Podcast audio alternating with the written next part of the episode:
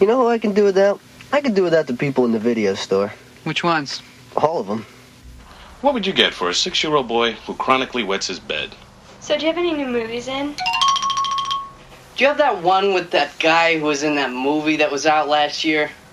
They never rent quality flicks. They always pick the most intellectually devoid movie on the racks. Ooh, Navy SEALs!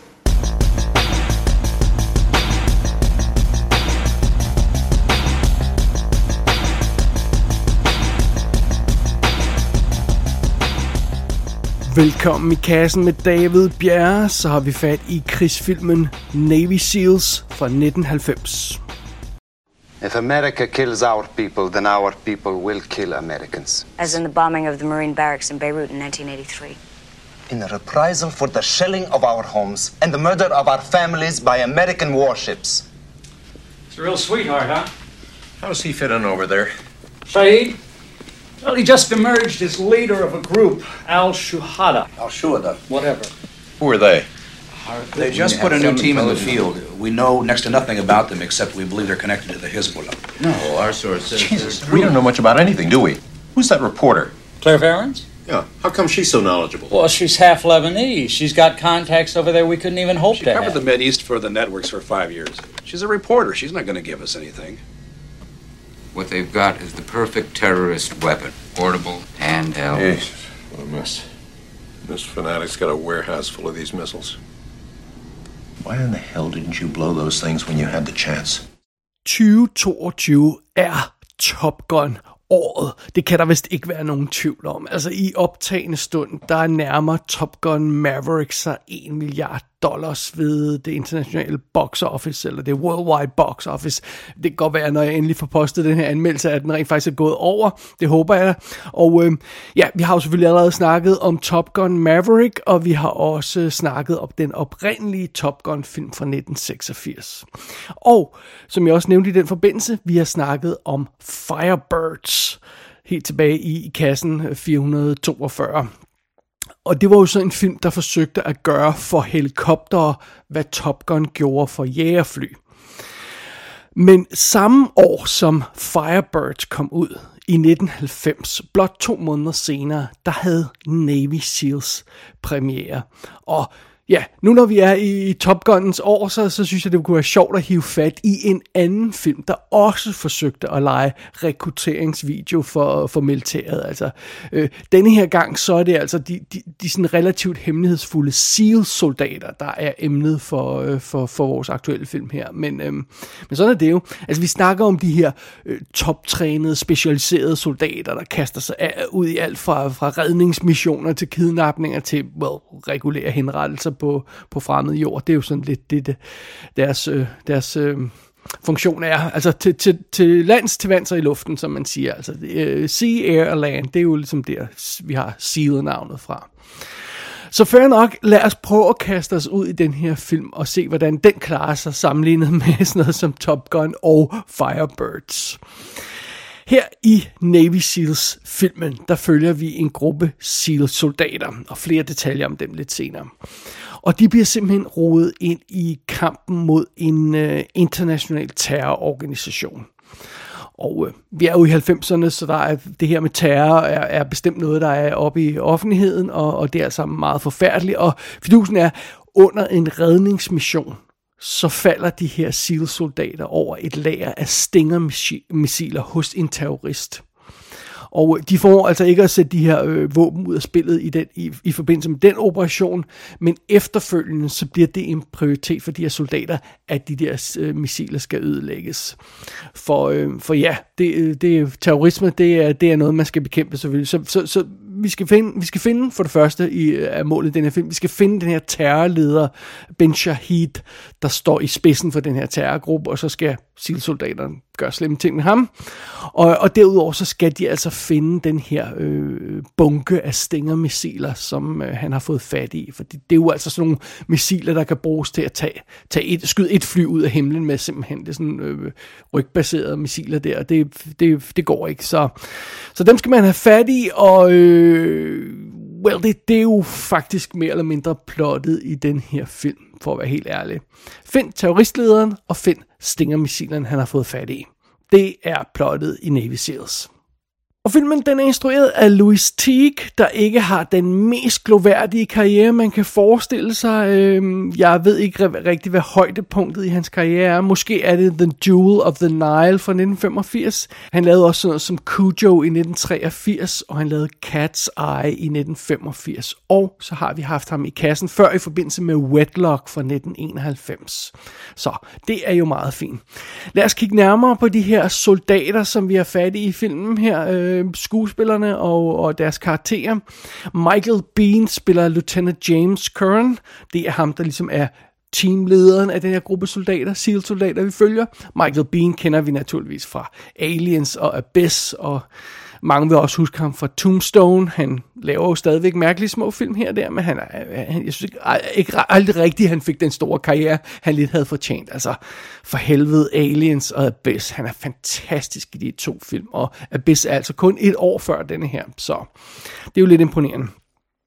Så har vi fat i uh, number two guy, hvis nok i filmen, uh, som uh, bliver spillet af Charlie Sheen. Han hedder Lieutenant Dale Hawkins. Og øh, Charlie Sheen har vi jo haft i kassen øh, for relativt nylig i forbindelse med Shadow Conspiracy og The Rookie. The Rookie er samme år som Navy Seals. Jeg ved ikke, om jeg, om jeg nævnte den i forbindelse med den anmeldelse, at vi skulle hive fat i den, men det, ja, det får vi så nu. Øh, og øh, bare lige for at have styr på, hvad han ellers laver der i den periode. Altså, han, han brød selvfølgelig igennem med, med Platoon i 1986 og Wall Street i 87. Og så laver han altså Young Guns i 88, Major League i 89, Navy Seals of the Rookie i 90, og så laver han sjovt nok en parodi nærmest på, på alt det her militær halløj. Uh, Hot Shots i 91, og, og Hot Shots 2 i 93, og, og sådan noget. Det er jo meget sjovt. Uh, Shadow Conspiracy, som vi snakker om, det var helt op i 97 jo. Sådan er det. Som Claire Varens, der er en journalist, vi støder på undervejs, der har vi Joanna Wally, Kilmer hed hun på det tidspunkt, for hun var gift med øh, Val Kilmer. Øh, de blev gift efter Willow. Og øh, ja, Willow var hendes store gennembrud. Øh, Joanna Wally som, som Sorcia. Hun var, åh, hun er super fed i den film. Øh, vi har haft hende i kassen før i forbindelse med Shattered i 1991, og hun var også med i Scandal i 1989. Men, men, men hun har altså heller ikke fået den store, kæmpe, gloværdige karriere, Joanna Wally. Lidt ufortjent, synes jeg. Jeg, jeg kan godt lide hende. Øh, derudover så er der masser af velkendte navne på rollelisten her. Øh, øh Rick Rossovich dukker op som Leary, og han er jo altså også med i Top Gun, hvor han spillede Slider, og øh, han er også med i, som, som jeg nævnte i forbindelse med Top Gun, og spiller lidt lydklip fra filmen, så han er også med i The Terminator, hvor han spiller øh, Linda Hamiltons roommates kæreste, øh, Matt, der bliver banket af Terminatoren. Derudover har vi i den her film Bill Paxton som Dane, og øh, han er jo også med i Aliens, ham elsker vi jo også der. Han laver jo i, øh, i, øh, i 1990 laver han jo rent faktisk Predator 2 også ud over denne her film. Så, så det er jo meget cool. Det har vi også snakket om her i kassen. Han er også med i Tombstone jo, øh, øh for det ikke skal være løgn. Øh, og efterfølgende der i 90'erne, så laver han jo altså øh, Apollo 13 i 95, Twister i 96 og Titanic i 97. Men jeg glemmer hele tiden, at han er med i Titanic. Og ja, han er jo desværre afgået ved døden, kære Bill Paxton. Sådan er det. Og, og lad os heller ikke glemme, bare lige for en god ordens skyld, den må jeg altså have, have, have genset en dag, og måske have anmeldt her i kassen, I don't know, Near Dark fra 1987, også et, en fantastisk film. Derudover så har vi sådan noget som øh, Dennis Haysbert, der spiller øh, Graham, en af de andre soldater. Og ja, det var ham, de fleste husker fra tv-serien 24. Så dukker øh, S. Epatha Merkerson op som Jolina. Det er øh, før omtalte Grahams øh, kæreste, øh, skråstreg kommende kone, og øh, hun vil, vil øjeblikkeligt virke øh, velkendt for folk, og, men det kan godt være, at man ikke lige kan placere hende. Hun har været med i tonsvis af ting, men jeg tror, det er de fleste vil kende hende fra, det er, at hun er Dysons kone i Terminator 2. Så det. Øh, så er der en, en øh, håndfuld mindre kendte øh, karakterer med, men øh, som, som jeg ikke gider at gå i nærmere detaljer med. Men altså det her øh, hold af, af SEAL-team-soldater bliver fyldt ud af nogle, nogle knap så vigtige karakterer og øh, spiller knap så vigtige skuespillere. Derudover synes jeg, det er meget sjovt at få med, hvem der egentlig har skrevet den her film. Den er, øh, de to krediterede forfattere er Chuck Farrer, som er, har en fortid som rigtig SEAL-soldat, og apparently har skrevet nogle af de ting ind i filmen. Øh, derudover har den her gut har skrevet sådan nogle ting som Hard Target, Barb Wire, Virus og Red Planet. uh, sidst det elsker jeg, men altså, det, det er, ja, igen, ikke den mest gloværdige karriere. Uh, Chuck Ferrer, han har skrevet sammen med Gary Goldman, og han har skrevet sådan noget som Big Trouble in Little China og Total Recall fra 1990. Derudover så har sådan en, der hedder uh, Kevin Jar, åbenbart arbejdet ukrediteret på manuskriptet. Det er ham, der har skrevet sådan noget som Rambo First Blood Part 2, Glory fra 1989. Han har skrevet Tombstone-manuskriptet for uh, Tombstone fra 1993, og han har også skrevet The Devil's Own og The Mummy. Plus, jeg tror, der har været flere forfattere på. Og oven i det, så er der sådan vedvarende øh, bemærkninger rundt omkring og rygter om, at Charlie Sheen og Michael Bean selv har skrevet deres egne scener om. Og det bliver nævnt flere steder, at Bill Paxton var idémanden til, øh, til en scene, hvor de her SEAL-soldater spiller golf og har det sjovt med det. Apparently i det oprindelige manuskript, der altså virkelig gerne vil være Top Gun, øh, der, var der, der var der simpelthen en scene, hvor de her soldater, de spillede beach volleyball. Altså det, en decideret kom, øh, kopi af scenen fra Top Gun. Og så sagde skuespilleren, ah, kan vi ikke finde på noget bedre? Og så apparently var Bill Paxton en af idémændene bag den her scene, hvor de spiller golf og kører rundt i golfbiler og har det sjovt med det og sådan noget. Så, så der har altså været en hel masse hænder i det her manuskript, en hel masse øh, hænder på den her historie. Men øh, Lad os se, om der er kommet en god film ud af det. Who are you? Who do you represent? My name is James Curran. I don't represent anyone. I'm in the Navy. what do you do for the Navy? I'm with the teams. SEAL, huh? That's right. Okay. Let's have lunch. Why do you keep going back to the Al Shuda? Is there something special about this group that interests you? No. You know, I don't think we're having a Mideast current affairs lesson here. I think we're talking about missiles. Missiles? Mm-hmm. Why the hell do you think I'm sitting here? Because I have strong contacts who are telling me that U.S. missiles have somehow found their way there. Now I have a Navy SEAL asking me questions about Shaheed. You're telling me the Al Shuada has gotten their hands on U.S. missiles? No, you're telling me. I didn't say anything. Me neither. Come on, Lieutenant. What are the SEALs up to? Det er meget forfriskende at høre Michael Bean snakke om Navy SEAL-filmen i øhm, i interviews, og det er altså interviews, der er lavet lang tid efter filmens premiere, fordi når, når de laver interviews op til filmens premiere, så er det bare sådan, åh, det er fantastisk, åh, de her seals er så gode, åh, det hele er fantastisk, og åh, bla bla bla, og sådan noget. Men når man så kommer sådan nogle, down, øh, nogle år down the line, nogle årtier down the line, så er det skuespillerne begynder at lave interview, hvor, hvor de siger, hvad de reelt mener om deres film, og det har Michael Bean gjort blandt andet om den her. Og et, et af kritikpunkterne mod den her film er helt åbenlyst naturligvis, at den bare vil være Top Gun. Top Gun på jorden i stedet for, det, det er det Navy Seals vil være. Men fidusen er, det indrømmer Michael Bean blankt. Ja, det var det, vi ville lave. Vi vil, vi vil 100% lave Top Gun. Det var det, vi satte os for at lave. Han lægger overhovedet ikke skjul på det. Øh, altså, Top Gun med, med Navy Seals, det var simpelthen planen for den her film. Og, øh, og, det, det igen, det, det, det det, jeg mener med, at det er rimelig forfriskende. Det, det, det er godt at høre det, for det er det, man mistænker, men det, og så siger han, ja, det, det er så situationen. Og åbenbart så er fidusen, at eksistensen af Navy SEALs ikke var sådan mega kendt for offentligheden der i 1990. Øh, øh, Desert Shield og Desert Storm øh, operationerne kom først i gang i, øh, i 91, og, og drabet på Osama Bin Laden, hvor øh, Navy Seals også var i fokus, det var, det var helt op i 2011. Øh, så på en eller anden måde var der åbenbart stadigvæk noget eksotisk over Navy Seals tilbage i 1990. Så egentlig giver det fin mening at vil lave en, en film, der fokuserer på de her mænd. Så spørgsmålet er naturligvis, fik folkene bag Navy Seals så lavet en film, der kan stå mål med Top Gun? En film, der gør for Navy Seals soldater, hvad Top Gun gjorde for jægerpiloter? Er, er, er det sådan en film, folkene øh, øh, bag Navy Seals har fået lavet? Uh, nej, fuck nej, har man lyst til at sige. Det, naturligvis har de ikke fået lavet sådan en film, fordi så havde uh, Navy Seals ikke fået den plads i historien, bøgerne den havde fået. Uh, det, de i stedet fik lavet med den her film, det er et, et produkt, der er simpelthen så drænet for liv, at det næsten er fascinerende.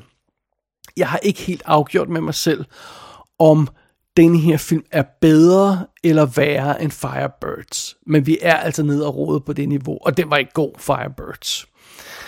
Øh, og Navy Seals er jo sådan lidt, det, det der med, med dens passe historie, altså det, Navy Seals er jo blevet sådan en film, man nævner, når man skal nævne en shitty film. Så er det sådan Navy Seals, og hvis man skal nævne en film, der er gået galt i produktionen, så siger man Waterworld og sådan noget. Altså, der er de her faste film, der er sådan blevet uh, shorthand for, for, for at snakke om film, og, og Navy Seals, det er sådan, åh, oh, okay, det er Navy Seals slags film, okay, fint, fint nok. Uh, men, men, men det er jo nemt nok at sige, det er jo mere interessant, hvad er det egentlig, der gik galt for den her produktion. Lad os prøve at kigge lidt nærmere på, hvad der er galt med filmen i hvert fald, og så kan vi måske regne ud, hvad der gik galt med produktionen. For det første er der selve historien her i Navy Seals. Øh, filmen løber jo ind i det problem, som vi populært kalder brandmandsfilmproblemet. Altså, det er det her ideen med, at man kan ikke lave en film om brandmænd. Øh, brandmænd er, øh, er nogle, kan være nogle karakterer i en film om brandmænd. Og, og, og, og brandmænd, og, og situationen omkring brandmænd kan levere miljøet til en film om brandmænd. Men der skal være en specifik historie, øh, historie i den her film om brandmænd. altså, i, i Backdraft er, er selve historien i filmen jo en, en, en seriemorder, korruptionsplot øh, historie, og, og så foregår den så i miljøet sammen med brandmænd og sådan noget. Og det er det, der er fidusen. Og det samme gælder jo jægerpiloter for den sags skyld. Man kan ikke bare lave en film om jægerpiloter. Øh, Top Gun virkede, fordi den fortalte en specifik historie om en specifik jægerpilot, der gennemgår noget specifikt. Altså to ugers træning på Top Gun-skolen, det er fokus for Top Gun-filmen fra 1986.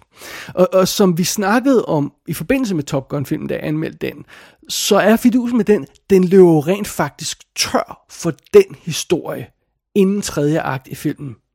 Altså tredje akt i Top Gun er noget vås. Hele finalen er noget vås. Øh, med en virkelig svag historie. Men det gør ikke så meget for den film. Men Top Gun illustrerer meget godt, hvad problemet med denne her film, Navy Seals, er. Fordi den har det problem, som Top Gun har i sin sidste akt, og man så må sige, det har den, denne her film fra start i hele historien. øh, altså, fra start har Navy Seals bare ikke en særlig god historie. Øh, det her handler vidderligt om jagten på en arabisk udseende bad guy, der er Øh, så dårligt defineret, at han føles lige så troende som sådan en sort silhuet på en skydeskive på en eller anden skydebane. Altså det, der, man, har, man har ingen fornemmelse af ham som trussel eller som karakter. Og, og oven i det, så handler det så også om jagten på de her stingermissiler. Det er også en dårligt defineret vag trussel, fordi vi ved ikke, hvor mange stingermissiler der er. Vi ved ikke, hvor de er. Vi ved ikke, hvorfor det lige er de her stingermissiler, øh, det hele handler om, fordi... Øh, det, det ser ud som om den her terrorgruppe er, er rimelig godt øh, veludrustet med andre øh, våben og sådan noget, og tanks og øh, øh, øh, øh jeg ved ikke, hvad de ellers har og sådan noget. Med, hvorfor lige de her missiler, der er de vigtige? Øh, øh, øh, og man går ud fra, at de har andre missiler og har andre typer... Altså, det, det, filmen får simpelthen forklaret, hvorfor det lige er så kritisk med de her våben. Øh, og, og det betyder så, at filmen får aldrig givet os et ordentligt mål for historien, og får aldrig givet os en ordentlig trussel i historien. Og det er et problem. På et tidspunkt, så flirter Navy Seals med noget andet, der sådan kunne være interessant som plot. Øh, det her med, at Seals-soldaterne øh, bliver nødt til at arbejde sammen med den her journalist, som Joanna Wally spiller, der arbejder i Mellemøsten og har noget information, og det kan de muligvis bruge. Og ligesom om, at, at når man så den del af historien bliver sådan lidt, lidt sådan udramatisk afviklet og bliver sådan droppet igen, selvom det kunne måske omkøbet være kernen i, i, i plottet i filmen. Øhm, så det er lidt underligt. Altså, og, og det betyder så, at det, det der tilbage er kun den her banale historie om, at vi skal finde missilerne. Og fidusen med grunden til, at Top Gun klarede sig gennem øh, øh, sin, øh, øh, sit, øh, sin, sin tredje akt, altså den her banal, banal tredje akt, det var, at på det tidspunkt i Top Gun, når den her finale ankommer, så er man simpelthen så mega investeret i hele det her univers, og i karaktererne, og i dramaet, så det er fucking ligegyldigt, hvad plottet i den film er. Man er bare så meget på. Well, ikke overraskende, så, øh, så øh, kan Navy Seals filmen altså ikke klare sig gennem hele sin historie uden et reelt funktionelt plot. Og ud over det manglende plot, eller det manglende interessante plot, så har filmen altså også problemer med sin karakter, så den kan ikke læne sig op af det. E, et, et andet virkelig spøjs problem, der plager den her film, det er, at der er ikke en hovedrolle indehaver. Der er ingen held i centrum af den her øh, historie. Der kan ligesom være fokus for vores, øh, for vores øh, plot og vores drama og sådan noget. Øhm, filmen starter med at etablere de to mest øh, centrale karakterer, øh, men det er ikke sådan tydeligt, hvem det er, der skal stå i fronten, i hvert fald ikke til at starte med, og begge karaktererne er problematiske. Vi har for det første Charlie Sheens karakter Hawkins. Han er den mest problematiske karakter af de to hovedkarakterer. Øhm, denne her figur Hawkins er simpelthen ubrugelig som soldat. Han er ude af stand til at følge de mest simple ordre, og han er dødbringende uansvarlig. Altså vidderligt dødbringende uansvarlig. Og det værste er, han bliver aldrig helt, fordi filmen behandler ham som sådan en, øh, som et, altså han er det her fjols, og filmen lader ham være et fjols. Øh, filmen lader ham gøre alt, hvad han har lyst til at gøre. Hawkins bliver på intet tidspunkt sat på plads, eller sat til ansvar for det, det, det han har gjort. Den her uansvarlige opførsel, som den her karakter udviser, bliver igen og igen tolereret, selv efter han er vidderlig af skyld i en kollegas død. Så trækker folk bare på skulderen. Nå ja, altså, tag dig nu sammen, altså. Det nytter jo ikke noget. og, og derudover så har den her øh, figur, som Charlie Sheen spiller, han har ingen personlighed. Han forsvinder ud af filmen, når der ikke er sådan aktivt soldater-action. Øhm, så er han simpelthen ikke til stede. Jeg aner ikke, hvad han, hvor, hvor han er, eller hvor han, hvad han render og laver, øh, når han ikke er øh, sådan involveret i de her militære handlinger. Så han er jo, kan jo naturligvis ikke være vores held. Øhm, øh, altså, øh, han, han, han føles ikke som vores held, og han føles heller ikke som ham, der har hovedrollen. Det kan sådan en karakter per, nærmest per definition ikke være, når han forsvinder ud af historien, og vi ikke ved, hvor han går hen. Plus, oven i det, Charlie Sheen spiller elendigt i den her film. Altså virkelig, virkelig dårligt. What, are you still thinking about bad guys? Yeah. Come on. As a matter of fact, I am. It's old news, man. We go in there, we hit them, and forget them. That's what we do, right? Come on. There's more to it than that. Look, if you got a problem, do something about it. You stick it out there, don't be afraid to get it cut off. That's what I always say. Det leder os jo så hen til den anden karakter, der ligesom kunne være i centrum og kunne være øh, fokus og kunne være helten. Øh, og det er Michael Beans karakter James, som jo er så også er teamlederen for de her Navy SEALs. Øh, han er mindre problematisk, men han er lige så ineffektiv som Charlie Sheens karakter. James er den her, øh, skal forestille at være den her teamleder, men han er slet ikke den her stærke ledertype, der træder i karakter. Han virker nærmest som en undskyldning for sig selv, og det virker faktisk lidt som om, han er straight man til Charlie Sheens klovne karakter. Det er sådan, det er stillet op. Øh, som om han, den er, den, han er den her buskill, der skal komme ind af og til og, og sige, tag dig nu sammen. Og, og, og det, er jo, det er jo heller ikke sådan en helteagtig karakter.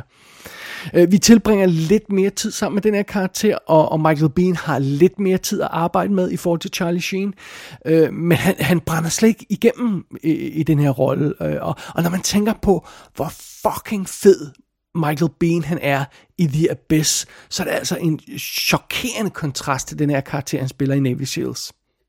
We have no way of warning the surface. And you know what that means? It means whatever happens is up to us. Us. Denne her teamleder, James i Navy SEALs, han fremstår som sådan en revisor. der er sådan ingen passion eller energi eller karisma i karakteren. Øh, og Michael Bean spiller den her rolle, som om han er blevet castet som quote-unquote tilfældig soldat nummer 5. Altså han opfører sig heller ikke som helten i centrum af historien, så det er derfor, han naturligvis ikke øh, øh fremstår som helten i historien, fordi han spiller den her rolle så vagt. Og ja, det, det er jo selvfølgelig heller ikke overraskende, at der ikke er nogen af de andre karakterer, i, i øh, nogle af de andre soldater i den her film, der, der, der, der, der altså kan være helten, fordi de er simpelthen ikke nok med i filmen. Øh, og, og der er ingen af dem, der har en personlighed. Og ærligt talt, det er næsten til at tude over, når man ser Bill Paxton rende rundt i baggrunden af den her film, og intet her har at lave. Altså fordi, når man tænker på, hvor ofte han stjæler scenerne i Aliens. Og her i den her film har han intet at lave. That's it, man. Game over, man. It's game over. What the fuck are we gonna do now? What are we gonna do? alle de her flade karakterer og ufunktionelle karakterer, det, det resulterer naturligvis også i, at der heller ikke udvikles nogle følelse for, for øh, sådan kemi eller venskab mellem de her soldater. Og, og øh, altså de her karakterer, de virker som som samlebåndsmedarbejdere, øh, der nærmest ikke vil bemærke, hvis, hvis deres sidemand faldt død om midt i det hele og blev erstattet af en ny kollega. Sådan opfører de her soldater sig. Der er, der er slet ikke den her varme omkring deres venskab og sådan noget, som der for eksempel er i Top Gun. Øh, på et tidspunkt så flirter filmen med noget andet, der måske kunne blive funktionelt. Den flirter med et trekantsdrama mellem de her to mest fremtrædende SEAL-soldater, og så den her kvindelige journalist. Øh, og det kunne der blive, måske blive noget interessant øh, drama i, men, men fidusen er, at Charlie Sheens karakter er så åbenlyst et røvhul, at filmen simpelthen ikke kan få ham til at fremstå som en karakter, øh, den her kvinde, spillet af Joanna Wally, hun vil tage alvorligt som bejler. Og ved siden af ham, så har vi altså den her fuldstændig passionsforladte James, som Michael Bean spiller, der nærmest ikke virker, som om han er tiltrukket af den her journalist. Øh, og, og, og filmen kan simpelthen ikke vride noget drama ud af, eller nogen konflikt ud af det her trækløver. Så, så ligesom om, de sådan, det, der bliver stillet op til det her træk, trækantsdrama, og så må filmen ligesom droppe ideen igen, fordi det, det, det fungerer bare ikke. Øhm, altså overordnet set, så, så er det altså, det er som om, både historien og karakteren i denne her film er øh, KIA, som man siger i militærsprog, killed in action. Øhm, det, det, det er virkelig ikke godt. Det eneste, der er tilbage så, det er, altså, kan Navy Seals i det mindste så levere noget solid militærporno? Nej, det kan den naturligvis heller ikke gøre, for igen, der er en grund til, at den har den plads i filmhistorien, som den har. Altså i, i betragtning af, at det her er en film, der handler om Navy SEALs, så er det forbløffende, hvor dårlig den her film er til at forklare, hvad de her Navy SEALs egentlig render og laver. Øhm, altså, i bund og grund er der naturligvis ingen tvivl om, hvad Navy Seals er, at de rejser ud i verden og sådan nogle ting, i ellers rejser hjem igen. Det er fair nok, men, sådan, øh, men mere detaljeret øh, øh, bliver den her film nærmest ikke. altså, det, det er virkelig underligt. Man får slet ikke nogen fornemmelse af, hvad de her soldaters ansvarsområde er, hvad deres missionsparameter, hvad kan de tillade sig at gøre, hvad er deres funktion i den amerikanske her, hvorfor er det dem, der bliver sendt ud, og ikke nogen andre, der bliver sendt ud. Hvad laver de egentlig, og hvorfor laver de det? Det har man ingen fornemmelse af øh, i Navy SEALs. Øh, altså vi får øh, den her side, en, en, sådan en side med tekst i starten af filmen, hvor der står, at, at Navy SEALs øh, teamet, teamet blev, blev etableret af JFK i 1962. Øh, og så får man ellers nærmest intet at vide om deres historie. Øh, og så er der undervejs er der en lille øh, sekvens, der viser, hvordan de træner, og that's about it. Øh, filmen får ingen gang ordentligt nævnt, hvad Navy SEALs egentlig står for.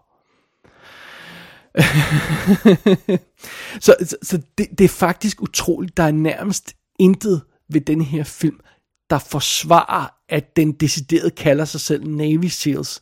For den kunne bare handle om random soldater, der blev sendt ud på mission. Det er virkelig fascinerende.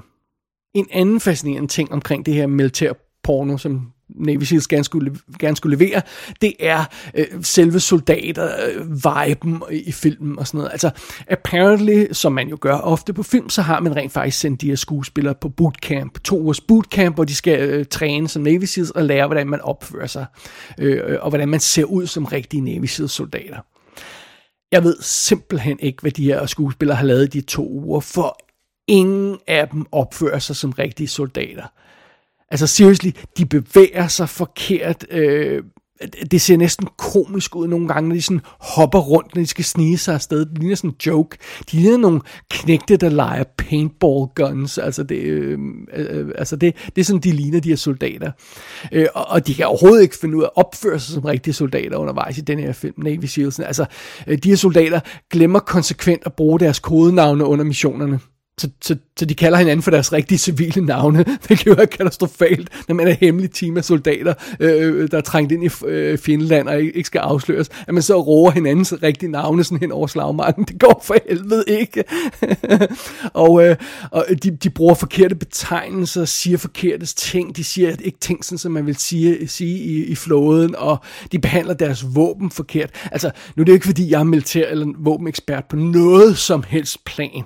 Men selv jeg ved sgu da, at når man render rundt med et skarpladt våben i sine hænder i en krigssituation, så sørger man for, at det ikke er rettet direkte mod baghovedet af den soldat, der render rundt foran en. Altså det ved jeg sgu da, man gør. men, men, men generelt så er den her film bare fuld af sådan nogle ting, og, og fuld af militære unødagtigheder. Det er sådan et imponerende øh, kompendium af sådan tjusk og fejl og mangler, som den her film får stablet på benene. Øh, Øh, øh, den er en lang sådan række af sådan taktiske brøler og øh, dårligt planlagte missioner. Ærligt talt, det er et mirakel, at en eneste af de her soldater overlever filmen. Øh, øh spoiler alert, det, det er der nogle af dem, der gør. Øh, det, det er et mirakel, simpelthen. Øh, og, og det er selvfølgelig fair nok, naturligvis, at vi er en Hollywood-film, og man må, man må acceptere nogle Hollywood-agtige øh, krumspring her og der for historien. Altså tage sådan noget, så for eksempel som den her scene i starten af filmen, hvor alle soldaterne bliver kaldt væk til en mission midt i deres vens bryllup. Øh, de må simpelthen gå decideret, mens broen er på vej op af, af kirkegulvet, så må, så, må, så må de forlade det hele, med, øh, hele situationen og hele brylluppet midt i det hele. Øh, og... Øh, Øh, det, det vil aldrig ske i virkeligheden. Fordi at, at øh, soldater, der kan blive kaldt ud på en mission, er på standby. Og hvis man er på standby, så vil man ikke arrangere et bryllup. Man arrangerer det bryllup i den periode, hvor man ikke er på standby. That makes sense. Det kan vi alle sammen forstå. Men vi kan godt acceptere det, fordi vi er stadig en film, og, og det, det er til at tilgive, og, og, det, øh, og altså, historien skal jo spille ud af, at der skal være noget drama. Det er fair nok. Sådan noget kan vi godt acceptere. Men, men det er svært at acceptere sådan noget, øh, for eksempel som, at hele plottet i den her film, at hele historien er bygget op omkring de her stinkermissiler, og filmen aner ikke, hvordan de fungerer. Altså filmen ved simpelthen ikke, hvad stinkermissiler er, eller hvordan de virker. Altså det er jo noget fucking tjusk. Det nytter jo ikke noget. Og det er der altså meget af i filmen, tjusk. Altså, det eneste positive, man kan, man, kan, man kan sige omkring de her militære aspekter i Navy Seals, det er, at, at den her film ser ikke decideret billig ud. Og, og nogle af de her krigsscener i de her diverse øh, byer, hvor, hvor soldaterne bliver sendt ud, de, de er faktisk relativt imponerende. Det er rimelig flot stages, nogle ret store krigsscener, der er i, i de her øh, små byer, de render rundt i. Og, og Måske kan man få lidt nydelse af, af, ud af at se de scener, de her krigsscener, for, fordi de er øh, relativt øh, godt afviklet, men øh, der er altså ikke så meget andet, der er værd at se på i den her film. Det må jeg desværre nok konstatere. For at vende tilbage til det sympatiske interview med Michael Bean, som jeg nævnte tidligere her i anmeldelsen, øh, som altså er lavet en del år efter filmen, øh, der, der indrømmer han som sagt, at ja, det de satte sig for at lave, det var Top Gun med Navy Seals. Det indrømmer han. Det, siger han, de ville lave, var en fed, spændende, engagerende, solid film. De havde gode skuespillere, flåden var med på ideen og ville gerne samarbejde med dem. De havde et fint budget, men et eller andet sted, så gik der altså et eller andet galt. Han siger, Michael Bean, at det skuespillerne basically ville lave, var Zero Dark Thirty. Altså, det var, det, da han så den film, så sagde han, det var det, vi ville have lavet med Navy Seals. Og, men det var ikke det, studiet ville lave.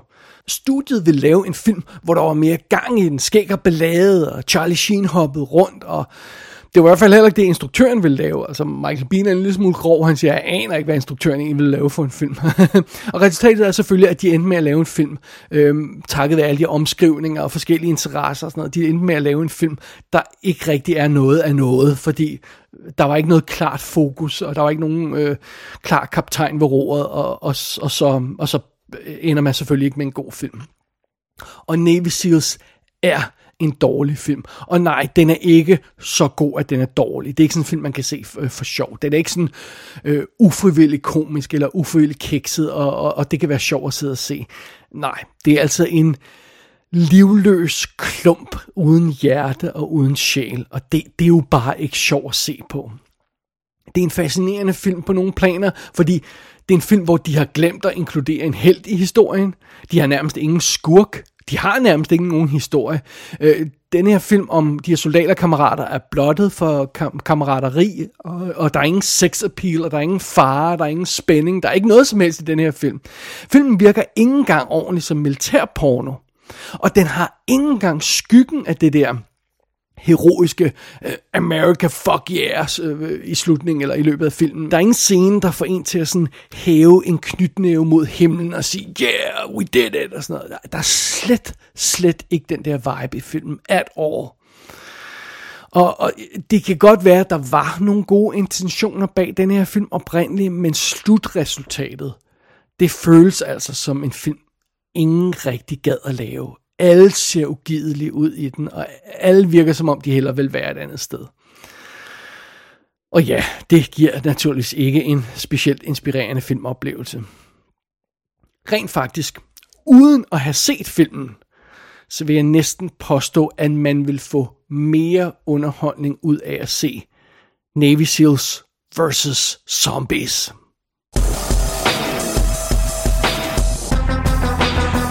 Navy Seals er ude på adskillige DVD og Blu-ray udgaver. Der er ikke noget ekstra materiale på nogen af dem, og det er relativt gamle overførsler, men de er til at se. Gå ind på ikassenshow.dk for at se billeder fra filmen. Der kan du også abonnere på dette show og sende en besked til undertegnet. Du har lyttet til I Kassen med David Bjerre.